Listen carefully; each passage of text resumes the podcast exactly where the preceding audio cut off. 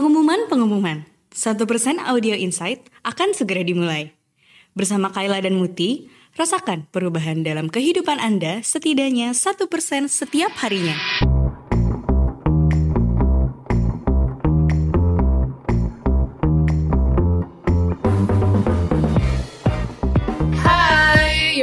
To 1% Audio Insight Balik lagi sama gue Kayla Gua Muti. Dan Saya Rizky dari satu persen. Yeay, kita kedatangan Kariski lagi nih di episode kali ini Dan kita bakal ngomongin apa sih Kak? Sebenarnya gue males banget sih ngebahas topik ini.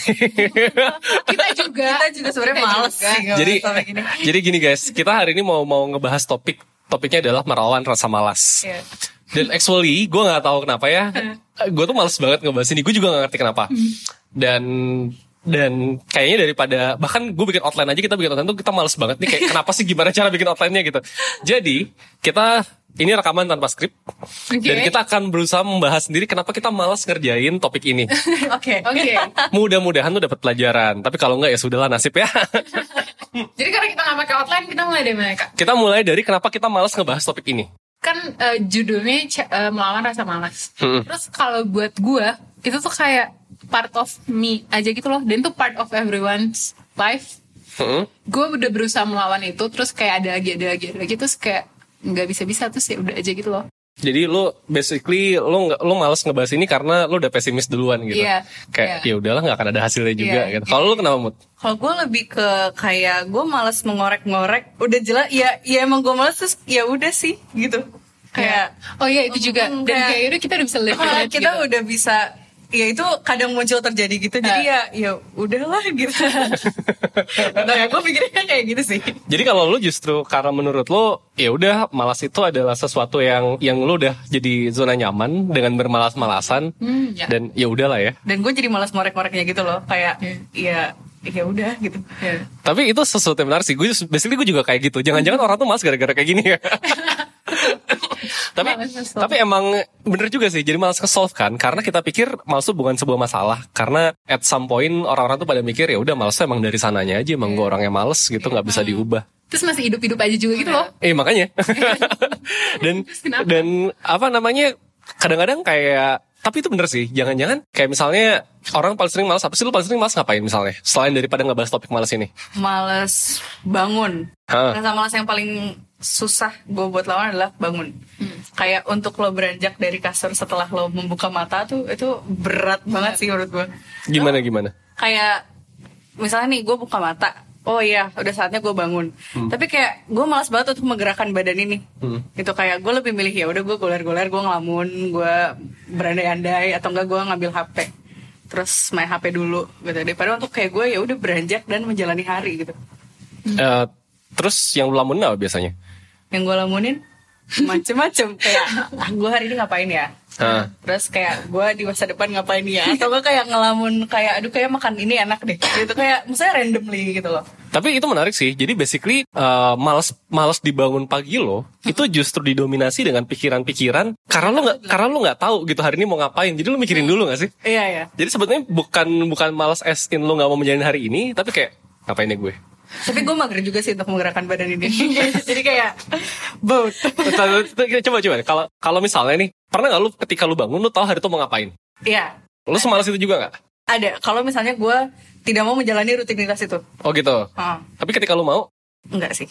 Hmm. nggak nggak akan selama itu. Ngerti nggak sih? Oke. Kayak pasti kan ada momen-momen untuk gue kayak ah udah pagi gitu. gue masih pengen Iya, tidur. Cuman Eh. kayak bukan yang males untuk melanjutkan gitu loh kayak Eh. kalau saya emang ada suatu hal yang ingin gue kerjakan dan gue excited ya gue akan bahkan malah kayak gue nggak tidur Hmm. untuk kayak gue nggak sabar hari ini terjadi gitu Hmm. Jadi kuncinya adalah di motivasi kalau dulu kalau di lo Iya, ya. kalau di gue kayaknya gitu. Maksudnya ketika lo ketika lo apa namanya? Jadi kan tadi ada beberapa masalah yang kita bisa figuring out. Ini tolong dicatat ya karena nggak punya outline. Jadi mungkin Oke. pas rangkuman kita perlu perlu baca catatan. baiklah Jadi tadi masalah pertama adalah ketika lo nggak tahu hari ini mau ngapain. Hmm. Ketika lo nggak tahu hari ini mau ngapain, ya udah. Jadi kayak of course lo jadi perlu spend waktu kayak oke gue hari ini ngapain aja gitu kan. Nah terus masalah kedua tadi adalah ketika lo udah tahu mau ngapain, tapi nggak asik gitu, gue suka nggak suka. Jadi kayak ngapain? Oke guys, jadi kita so, so far uh, di podcast ini kita sudah menemukan dua alasan orang malas. yang pertama adalah ketika kita nggak tahu mau ngapain. Yang kedua adalah ketika kita merasa yang mau kita lakukan itu tidak menyenangkan. Gitu. Ada lagi nggak lo dari dari Kayla mungkin yang males tuh kenapa sih selain daripada dua hal tadi? karena sulit. Jadi malas gue adalah gue malas banget bikin pembukuan. Dan ini sumpah impactnya gede banget karena gue suka jajan. Terus udah gitu kayak jajannya nggak murah. Karena suka boba. Hmm. Terus udah gitu eh, kadang-kadang itu tuh jadi gue overspend gitu loh. Hmm. Dan overspend gue ngambil duit kuliah. terus, terus dan dan itu tuh gue tuh gue waktu itu magang. Terakhir gue magang, gaji gue agak gede. Terus beres gue magang, duitnya habis. Terus gue wondering ini ke mana? Oh ternyata eh, nutupin utang karena apa namanya eh, duit kuliah gue kepake. Buat beli boba. Iya, iya gitu loh pokoknya gue tuh waktu itu magang eh, kantornya di mall gitu loh, paham kan loh. Jadi kayak tinggal turun dapat shilling, tinggal turun dapat apa, dapat apa gitu gitu. Terus eh, di situ dan gue kayak nggak gue nggak punya pertanggung jawaban kayak duit gue hilang hilang aja gitu loh. Mhm. Dan gue itu benar ngetracknya susah banget. Dan pada saat, eh, saat itu gue udah gue gue coba download kayak apa sih aplikasi-aplikasi buat budgeting gitu. Terus kayak dan ternyata tetap tidak gue lakukan. Kayak gue malas aja gitu loh kayak padahal itu simpel banget kan kayak gue sambil megang HP juga kok pesan-pesan makanan gitu. Tapi kayak abis itu gue harus nyata tuh kayak wah gila itu big deal banget dan pada akhirnya gue malas dan pada akhirnya kepake lagi uang kuliahnya. Coba, coba, coba deh, lo, lo coba pikirin. Menurut lo kira-kira kenapa lo kenapa lo nggak mau melakukan itu? Sulit. Enggak lah kan gampang, tinggal buka handphone. Kira-kira kenapa lo nggak mau melakukan itu? Atau ini ya kayak gue takut gue takut apa namanya wow spend gue baik banget terus financial well-being gue terganggu iya sih. Itu itu itu banget sih. Itu kalau kalau soal keuangannya itu sering banget terjadi. Iya. Jadi kayak apa ya? Kayak takut menerima kenyataan gitu kan. Iya, iya, iya. Kayak- jadi kayak hmm, ini kalau misalkan gue lakukan, gue akan sadar bahwa yang selama ini gue lakukan salah. Iya. Lebih baik kayak unseen aja gitu loh. Terus Hmm. kayak tiba-tiba wow banyak terus ya udah gitu. Hmm. Daripada kayak gini kayak wow wow wow wow tinggal segini tinggal segini terus oh iya iya benar benar benar. Hmm. Kayak Genius kan sangat clear ya kayak in and outnya terus saldo lo berapa Hmm. dibandingin kayak eh, gue pakai eh, rekening lain tuh kayak yang gue nggak download mobile bankingnya karena gue juga pada akhirnya jadi online Hmm. shopping terus terus kalau Genius tuh eh, nah pada akhirnya gue kan suka lupa tuh saldo gue udah berapa Hmm. kalau misalnya pakai jenis tuh kan kayak kebuka langsung dua saldo gitu. Nah itu sih yang bikin kadang-kadang males ngelihatnya, males lihat in and outnya gue udah ke mana ke mana ke mana dan pada akhirnya gue juga males bikin pembukuannya. Jadi gue korek-korek gitu ya. Jadi kayak lo sadar yang lo lakukan kemarin-kemarin salah. iya. Oke. Itu so far guys kita jadi kita udah menemukan tiga alasan buat orang jadi malas. Kalau lo punya alasan yang lain yang gue sih akan akan ngebahas mulai dari tiga alasan tadi dan gimana cara mengatasi masing-masingnya. Tapi kalau lo punya alasan lain buat malas selain daripada itu ya silahkan tinggalkan pesan aja di Instagram atau di uh, Twitter kita. Tapi gue mau nyebutin satu alasan lagi sih, Apa tuh? yaitu kemageran yang luar biasa. Kayak ini ini spesifik gue sih. Gue tuh asli mungkin untuk banyak hal gitu mungkin gue gue bukan orang yang malas ya. Tapi kalau udah masalah posisi-posisi yang sangat nyaman rebahan gitu wah asli gue magernya parah banget.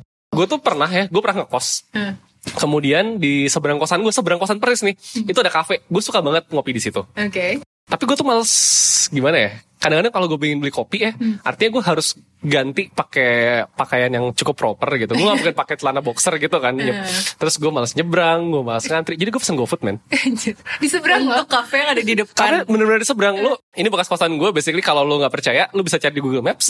Kosan gue dulu eh, di Jalan Kemang Timur nomor 36 gue suka ngopi itu di kafe namanya Kafe Sana Kemang Timur. Itu bener nyebrang. Jadi gue pesen GoFood.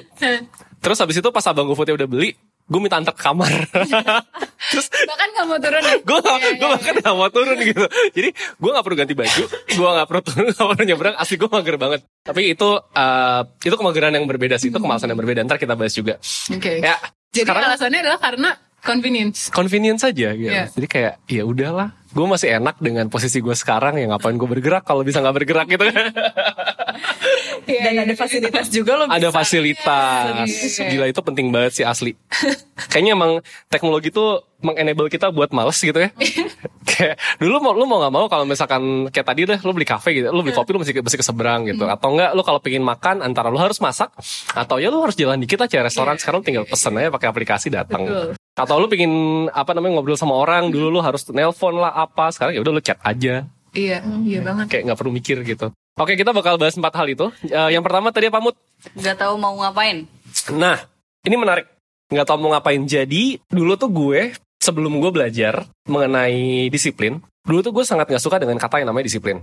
Karena di bayangan gue ya, disiplin tuh kayak anak yang tiap hari disuruh belajar sama orang tuanya. Kayak udah kamu jam segini sampai jam segini harus belajar lah, ini ini ini segala macam. Jadi gue nggak suka dengan kata disiplin. Yap.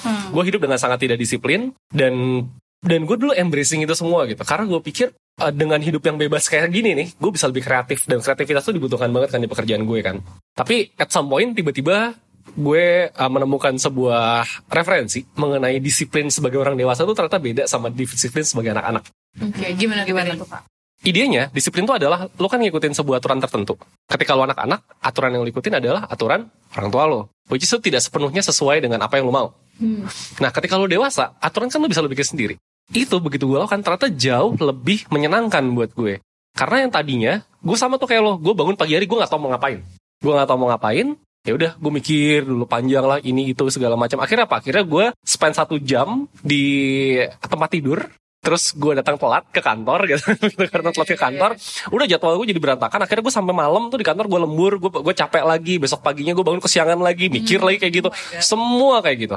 Pas itu yang gue coba tuh ternyata mudah banget. Gue simply gue dipaksa untuk beberapa hari pertama gue bangun pagi.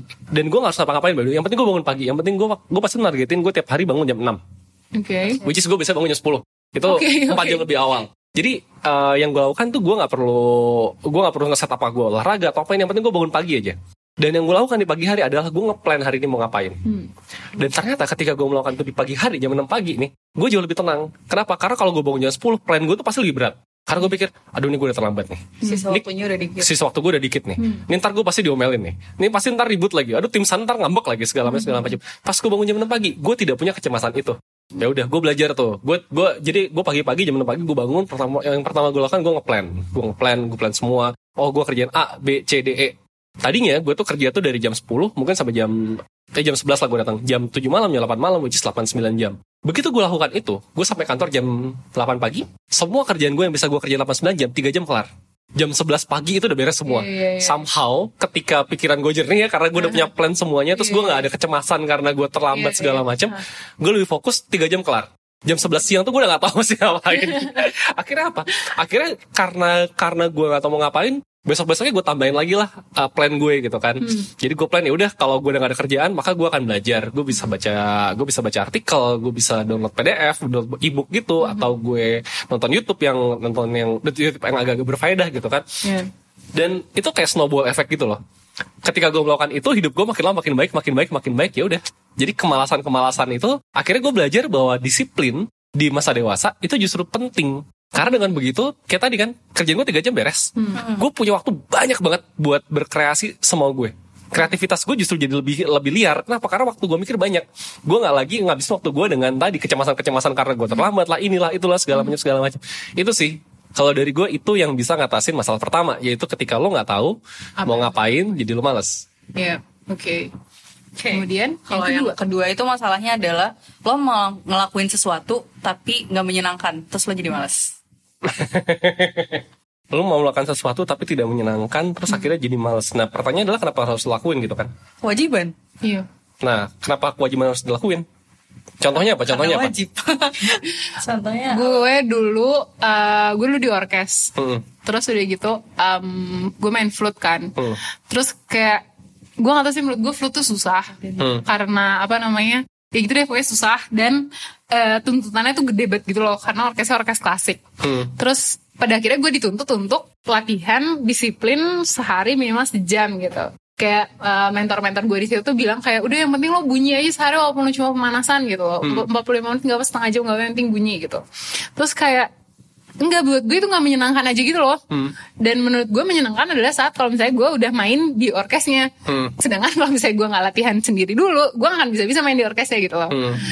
Jadi kayak tiap kali gue datang tuh hari Sabtu Kan latihan hari Sabtu Dan eh, latihan kayak seorkesnya tuh hari Sabtu Dan itu kayak itu sangat stressful buat gue Karena gue ketinggalan dari semua orang. Terus udah gitu kayak eh, Tapi gue juga gak mau memperbaiki itu Karena buat gue itu bukan sesuatu yang menyenangkan. Kayak lo kebayang sih kak? Part orkes kan kayak ya udah cuma Iya. se- separt separt ini. Gue gak kebayang lagunya kayak apa gitu. Oh, terus gitu. kayak kalau misalnya lo di orkes kan lo bisa ngeliatin oh oke lagunya keren banget kayak Hmm. begini. Terus pas mau masuk bagian lo kayak oke anjir gue kentang banget gitu. Hmm. kayak gitu. Jadi eh kalau misalnya latihan sendiri males pas latihan bareng-bareng gue merasa gue sangat left out dan dan itu ya udah malesnya jadinya keliling-keliling terus akhirnya gue keluar Nah, jadi gitu guys. Jadi banyak banget yang males tuh gara-gara ini ternyata bukan bukan masalah yang barusan kita sebut ya karena tidak menyenangkan, tapi ini males karena ngerasa kita emang mm, nggak oke aja gitu di situ. Jadi nggak pede itu emang salah satu alasan kemalasan.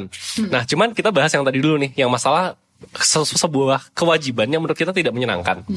Nah, tapi kan ujung-ujungnya ketika kita melakukan sebuah kewajiban, itu kan untuk sebuah tujuan tertentu ya. Kayak misalnya kenapa sih lu latihan? Ya Iya. karena supaya lu bisa masuk orkes, supaya lu bisa tampil gitu. Which is tampil ya sesuatu yang sesuatu yang lu suka.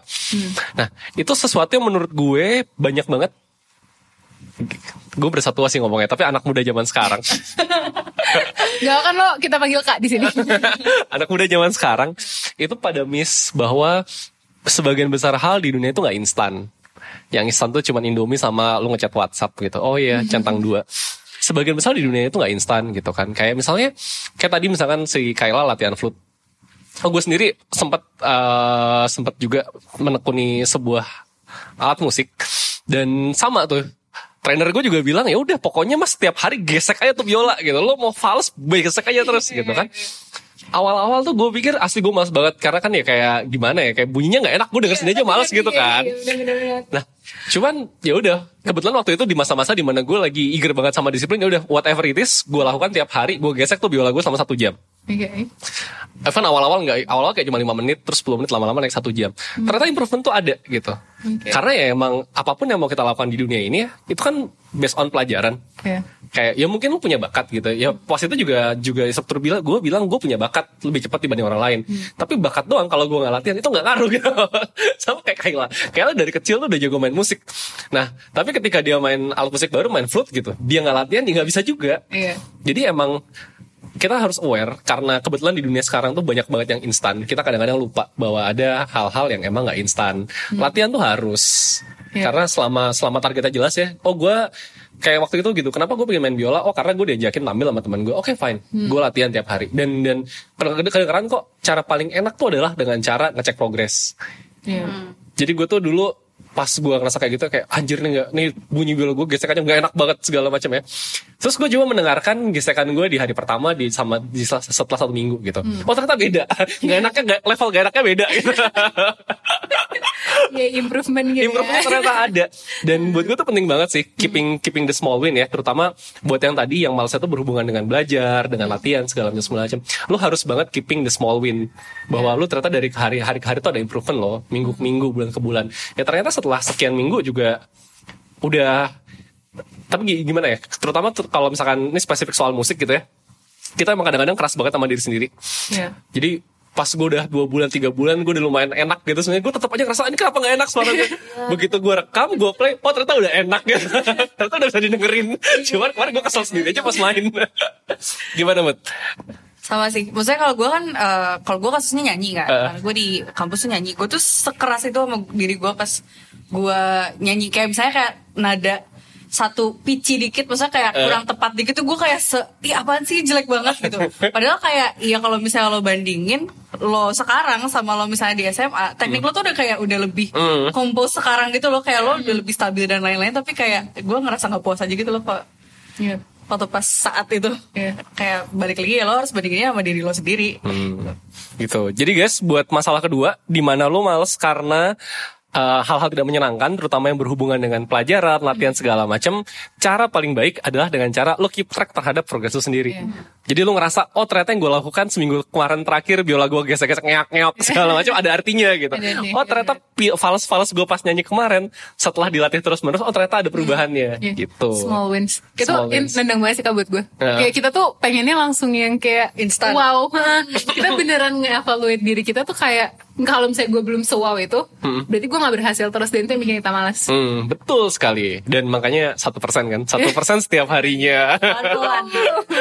Percaya deh, hal besar itu tidak terjadi dalam waktu cepat. Iya. Kalau hal besar ter- terjadi dalam waktu cepat ya semua orang kaya, semua orang sukses, semua orang bahagia gitu kan. Tapi kan tidak. Hal besar itu terjadi pada orang-orang yang menang pada hal-hal kecil setiap harinya. Cool.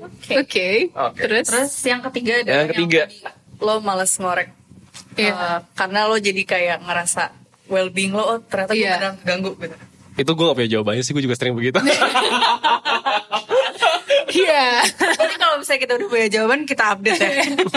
tapi ya kurang lebih apa ya itu sesuatu yang umum banget ketika lo sadar bahwa ada hal-hal salah yang lo lakukan terus ketika lo harus melakukan sesuatu dan lo bakal ngelihat bahwa diri lo sendiri salah dan lo belum siap buat merubah itu semua paling sering tuh gini kayak apa namanya gue tuh pernah eh gue tuh pernah sangat-sangat fit. Gue pernah jadi anak gym segala macem. Badan gue fit berat gue cuman 60 sekian gitu. Sekarang berat gue di atas 80 kilo.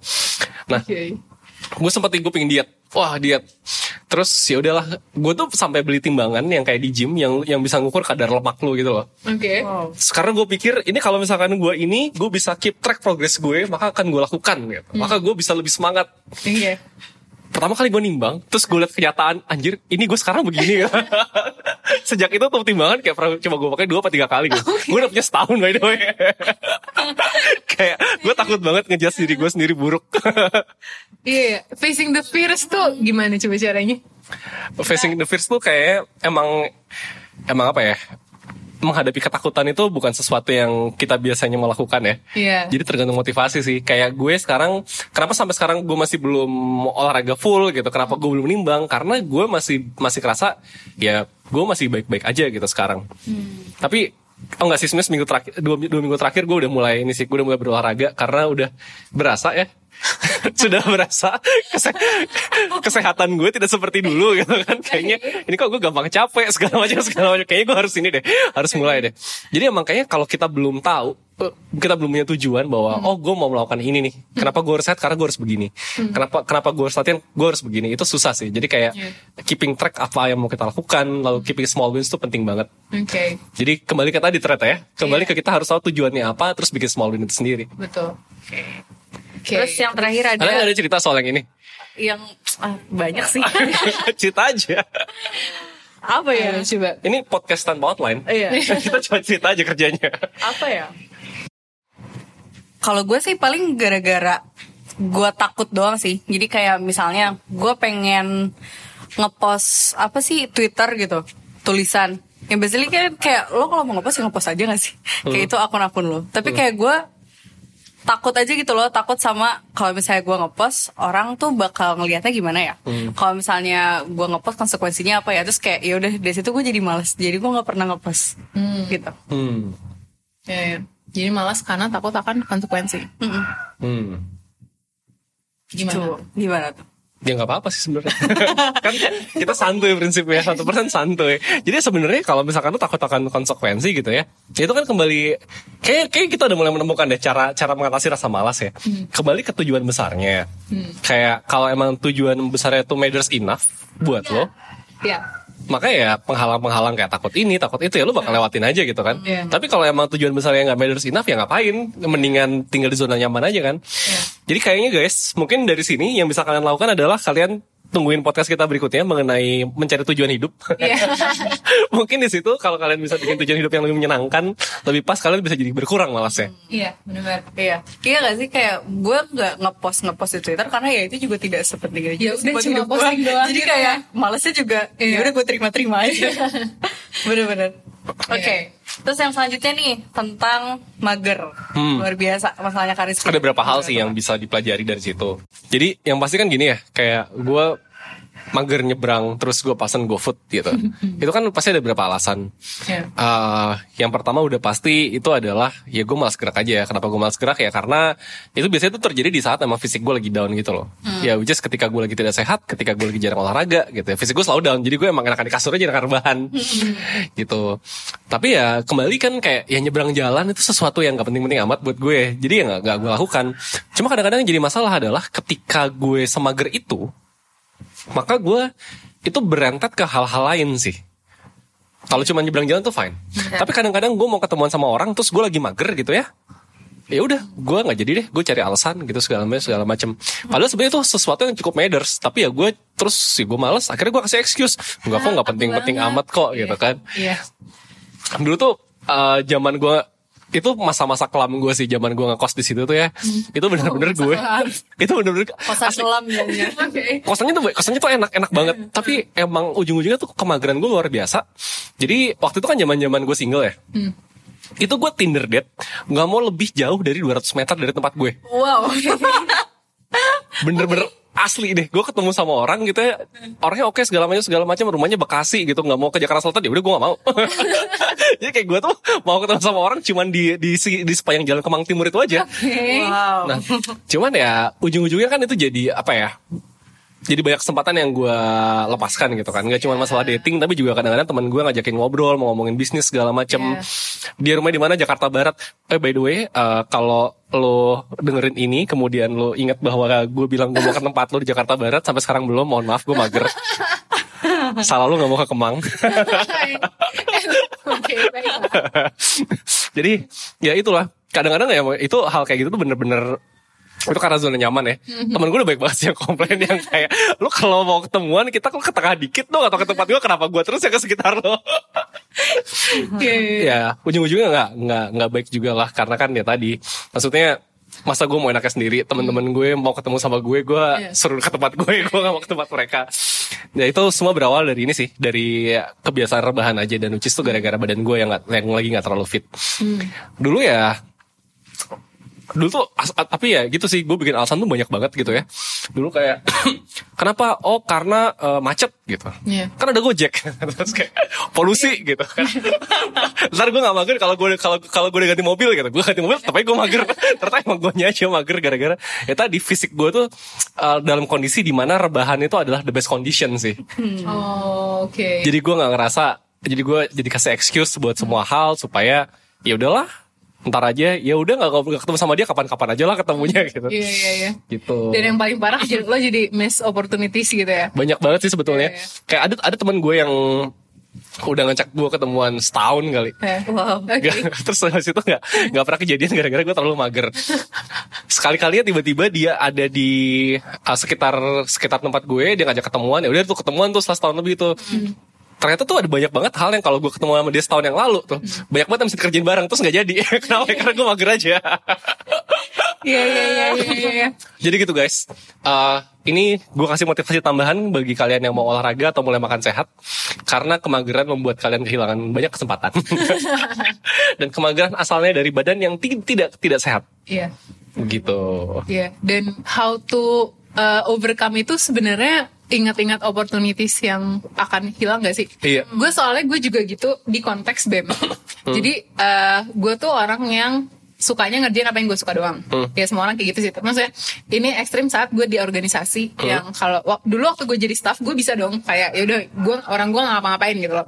Waktu gue jadi kepala departemen tuh kayak eh eh, wakil kepala departemen kayak BPH-nya terus kayak jadi harus eh, datang ke acara dep lain, harus datang ke acara yang sebem tuh wah gila dan pada akhirnya gue di eh, dan gue selalu excuse gue, aduh gue ada ini, aduh gue ada ini gitu. Pokoknya antara eh, acara keluarga, tapi di acara keluarga gue bilang ada ada acara kampus, pokoknya gitu deh, bolak balik aja. tapi eh, kadang-kadang juga gue suka suka bilang gue gue gue nggak gue nggak enak badan, kalau nggak gue ada acara gereja yang kayak gitu gitu. Sampai semua teman-teman gue ngainin lo maling ngering ya kayak gitu, maling ngering tuh disorder psikologi yang lo pura-pura sakit biar lo skip. Bibir lo nggak nggak nggak ikut suatu kegiatan atau kewajiban lo pokoknya kayak gitu. Ya, tapi ini something yang menarik nih.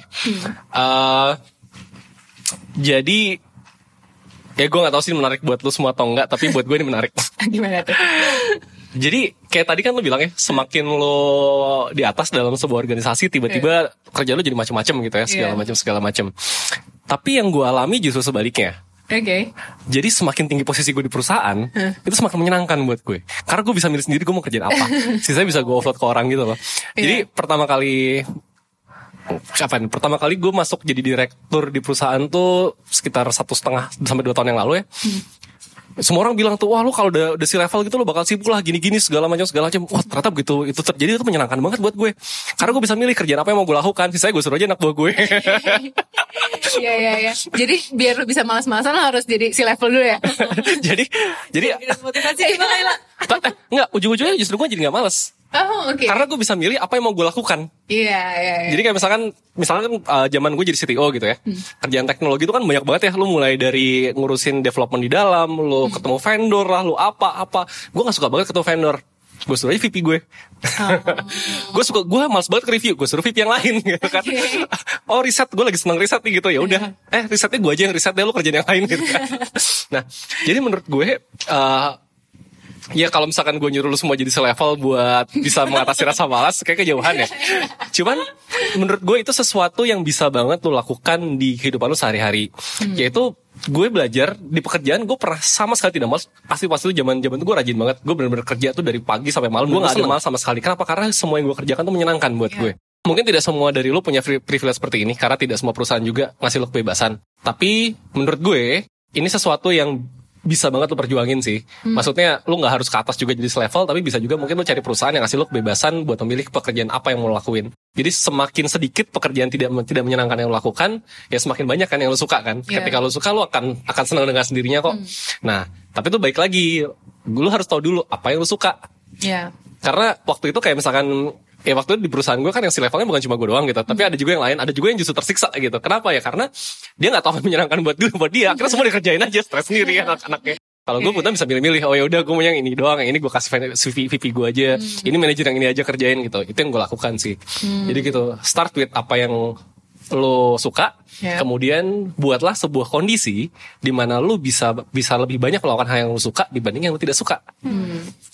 Tapi saat lo harus mengerjakan yang lo tidak suka dan lo harus tuh harus eh, balik lagi ke tujuan. tujuan. Bisa juga lo mikir kayak gini kan. Contohnya gini, lo promosi nih jadi VP gitu ya. Dari 10 pekerjaan lo, 7 lo suka, 3 enggak. Tapi kalau 3 itu nggak lo lakuin, lo bisa-bisa dipecat, lo turun jadi manajer lagi, makin banyak yang lo nggak suka. jadi, ya ingatlah bahwa hal-hal yang tidak menyenangkan itu harus tetap lo kerjain supaya lo tetap bisa melakukan hal-hal yang lo suka. gitu. Iya iya iya. Tapi oh ya apa? Dan kalau misalnya lo udah kayak udah seneng dan udah bahagia, nggak akan ada celah juga buat lo ngerasa malas karena kayak lo udah seneng gak sih? Iya. Ya, kayak kalian sekarang jadi di satu persen bahagia kan? Eh, leading leading. leading. Pertanyaannya leading. Guys, kalian harus tahu ya, si Muti nih ya. Aduh. datang tiap hari pagi-pagi pulang paling malam gue juga bingung gue tanya mut rumah lu jauh kenapa nggak pulang ya kak masih kerjaan ini gitu.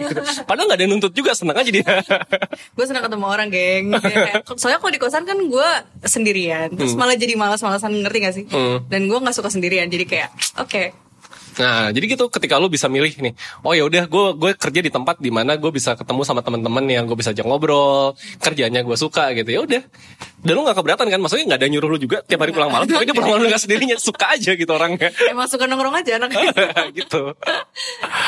Oke. Jadi ternyata dari dari per perngobrolan kita yang ke sana kemari ini, Iya. kita sudah menemukan ada beberapa cara untuk menjadi tidak malas itu. Jadi untuk masalah yang pertama tadi itu kita nggak tahu mau, mau ngapain. Itu yang bikin kita malas. Cara cara me, mensolve-nya adalah jelek banget mensolve. Menyelesaikan masalahnya Ayo, nah, misalkan masalahnya adalah dengan cara ya lu tahu dulu lu mau ngapain gitu Iya. kan. Jadi ngeplan dan disiplin tuh adalah hal penting banget di usia dewasa. Yep. Ketika kalian udah punya kontrol terhadap terhadap hidup kalian sendiri, bukan lagi disuruh-suruh orang tua, bukan Hmm. lagi disuruh-suruh guru gitu. Ya udah, lu plan sendiri lu maunya ngapain. Iya. Dan itu bakal jauh lebih menenangkan dan lu bakal lebih produktif. hmm, Itu cara pertama. terus eh, yang kedua tadi lo males karena eh, gak menyenangkan yang mau lo lakukan cara solve nya adalah Dengan cara lo bikin small win hmm betul gitu. Oh by the way, gue baru baca outline yang nggak gue pakai ini. Jadi eh, ada ada video satu persen soal mengatasi rasa malas. Ini sebenarnya relate banget sama small wins. Jadi eh, lu boleh cari di YouTube-nya satu persen. Kita pernah bahas yang namanya kaizen. yep. Kaizen itu adalah sebuah pepatah Jepang, tapi saya gue nggak nggak gue nggak terlalu suka kaizen ya. Gue kalau kayak gini-gini, gue lebih suka ada satu pepatah yang gue suka banget, namanya adalah Sik Parvis Makna. Artinya adalah greatness came from small beginnings. Artinya hal besar yang lu mau itu datangnya dari perubahan-perubahan kecil. Lu nggak bisa tiba-tiba jadi jago main piano terus lu konser gitu. Lu harus latihan tiap hari. Ya. Lu nggak lu nggak dalam serta merta tiba-tiba dalam waktu satu malam lu baca buku lu jadi pinter banget terus lu bisa bikin startup gitu nggak bisa. Iya. Pelan-pelan belajar ini dulu, belajar itu dulu. Gagal jadi, dulu. Gagal dulu. Jadi semua hal kecil yang lu lakukan itu bakal matters. Ya. Jadi jangan pernah mikir bahwa oh ini nggak matters nih. Kalau lu ingin melakukan hal besar dalam hidup lu, lu harus mulai dari hal-hal kecil. Cara solve-nya adalah gimana tuh kak? Tadi dengan cara ya tadi ketika lo takut menghadapi sesuatu, saya balik kayak yang tadi sih. Kalau emang itu matters buat tujuan besar lo, ya lo bisa overcome itu. Jadi ya awalnya tadi lo harus tahu dulu tujuan lo tuh apa melakukan ini. Kalau misalkan lo nggak tahu ya lo akan akan cenderung males lah ya ngapain juga gue melakukan hal tidak menyenangkan kalau emang nggak ngaruh buat gue kan gitu. Sama yang terakhir tadi yang Tentang uh, mager. Mager jadi perbaikilah fisik anda. Serius ini ngaruh banget kayak ya udah lu lu harus sehat sih secara fisik sih. Kan emang men, men sana in corpore sano. Ya. Maksudnya ya pikiran lu tuh bisa bersih ya kalau badan lu sehat, kalau badan lu berantakan ya lu pasti mager-mageran lah. Iya. Ketika lu mager-mageran lu nggak ngapa-ngapain, lu stres yang ada. Iya benar banget. So, jadi tadi uh, yang pertama adalah plan. Dan untuk plan nih, gue mau ngingetin kayak jangan sampai lo ngeplan sesuatu yang sangat besar, tapi lo ya udah cuman segitu aja lo tidak melakukan planning yang emang kecil-kecil yang bisa mencapai si goal besar lo itu lo. Benar. Jadi kalau kalau misalnya gue ini diajarin sama salah satu uh, kakak, kakak tingkat gue, ya kalau misalnya lo mau planning sesuatu, lo bisa mulai misalnya lo lima tahun ke depan pengen ngapain. Lo breakdown tuh goal-goal lo lima tahun ke depan mau apa. Nah, abis dari abis dari situ di setiap goal yang ada di lima tahun, lo coba breakdown lagi gimana cara mencapai itu di setiap tahunnya lo harus ngapain. Iya. Jadi itu jadi goal lo selama setahun. Itu harus apa? Terus abis itu lo bikin planning yang per bulannya untuk mencapai yang satu tahun itu lo harus ngapain selama setiap bulan gitu. Iya. Jadinya kan kayak lo bisa nge-track, bisa maintain uh, apa plan-plan lo dan ya udah gue lo bisa jadi tercapai. Iya. Gitu. Oh ya tadi juga kita sempat bahas ya, small win tuh penting banget buat lu bisa nge-track progres lu sendiri. Hmm, bahwa emang permainan musik lu berantakan di hari pertama dan berantakan di hari ke-30 sama-sama berantakan tapi pasti beda levelnya. Dan itu lu harus tahu kalau karena kalau lu nggak tahu ya udah lu akan selalu ngerasa bahwa ini nggak ada nggak ada artinya nih padahal ada sebenarnya. Iya. Oke, so tadi eh, udah ada tadi kan plan, tentang plan, terus udah gitu eh, tentang tujuan, Mm-mm. menetapkan tujuan. Jadi apa pun itu, eh, yang penting tujuannya worth, lo akan worth the pain gitu lah ya. Terus udah gitu yang ketiga jaga fisik. Hmm. Oh sama tadi terakhir. Tadi terakhir apa namanya? Kalau bisa lu cari lingkungan, lu, lu carilah pekerjaan sehari-hari rutinitas Nah, iya. yang emang sebanyak mungkin menyenangkan buat lo. Iya. gitu jadi ya ya lu nggak harus semua jadi si level terus ngatur semua orang tapi ya carilah lingkungan di mana lu bisa melakukan hal-hal yang menyenangkan buat lo Iya. Oke. Nah, tadi kan kita udah bahas nih gimana cara melawan rasa malas versi kita. Versi Yang kita. Tidak terstruktur ini, yang gak ngikutin outline ini. tapi tapi lu sadar gak sih maksudnya eh, tadi kan di awal-awalnya kita males banget ngebahas ini gitu kan Iya, sekarang jadi Sekarang mulai jadi menyenangkan. Heeh, ya itu sebenarnya berbalik ke yang tadi kan balik ke tadi kan kita takut aja kita bisa kita ngebahas ini dengan basi Iya. karena kita nggak tahu gitu begitu kita mulai bahas pelan-pelan segala macam begitu kita ngerti ternyata panjang banget podcastnya dan bermakna agak rame ternyata Indian. Nah buat teman-teman yang kayak pengen lebih tahu nih gimana sih cara ngelawan rasa malas, misalnya kayak kalian masih masih bingung nih caranya kayak apa, kalian bisa banget ikut offline kelasnya kita yang akan dilaksanakan pada 14 Maret ini di eh, Mula Galeria. Itu eh, pembicaranya akan ada Kaivan, Eh, kalau misalnya kalian mau ketemu Kak Evan nih secara langsung kalian bisa banget datang. Terus ada juga Kak Shibli sebagai psikolog dan ada juga Jihan. Baik. Jihad. Jihan adalah influencer. Oke. Eh, by the way, eh, si Evan tuh emang sehari-hari sudah menerapkan kaizen dalam hidupnya. Oke. Jadi cara dia mengatasi rasa malas lebih terstruktur.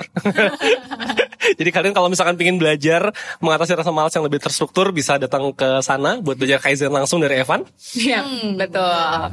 Dan kalau misalnya untuk eh, kalian yang belum tahu banget tentang informasi si offline class ini, kalian bisa langsung ke Instagram kita di @1%official. Di situ ada semua emot. Iya, ada juga informasi tentang online mentoring kalau misalnya kalian pengen mentoring. Yap, dan video-video YouTube kita yang sangat menarik. Mm-mm, dan jangan lupa dengerin terus podcast kita yang akan ada setiap satu minggu dua kali. Yes, di Spotify dan kalau misalnya kalian belum cek di Inspigo ada episode-episode yang gak kalah menariknya. Gitu. Oke. So, jadi sekian dulu dari kami. Yep. Dan kalian seperti bisa bisa dengar sendiri ya, maksudnya begitu kita bisa mengatasi segala kecemasan kita mengenai membahas rasa malas, kita jadi tidak semalas tadi. Dan gue yakin lu semua juga bisa ngelakuin ini. So basically mulailah hadapi ketakutan kalian, mulai bikin plan, mulai sehatkan diri. Dan gue yakin lu akan ngeliat sendiri nih bahwa rasa malas lu pelan-pelan akan ngurang. Dan tetap keep progress, cek progress karena lu bakal sadar sendiri nih, oh ternyata begitu rasa malas gue kurang dikit, ternyata gue progresif. Ya. Ada hal yang lebih baik terjadi dalam hidup gue dan lu makin lama akan makin tidak malas. Deh. Sekian dari gue, gue Rizky dari 1%. Gue Kayla. Dan gue Muti. Sampai jumpa. Dadah.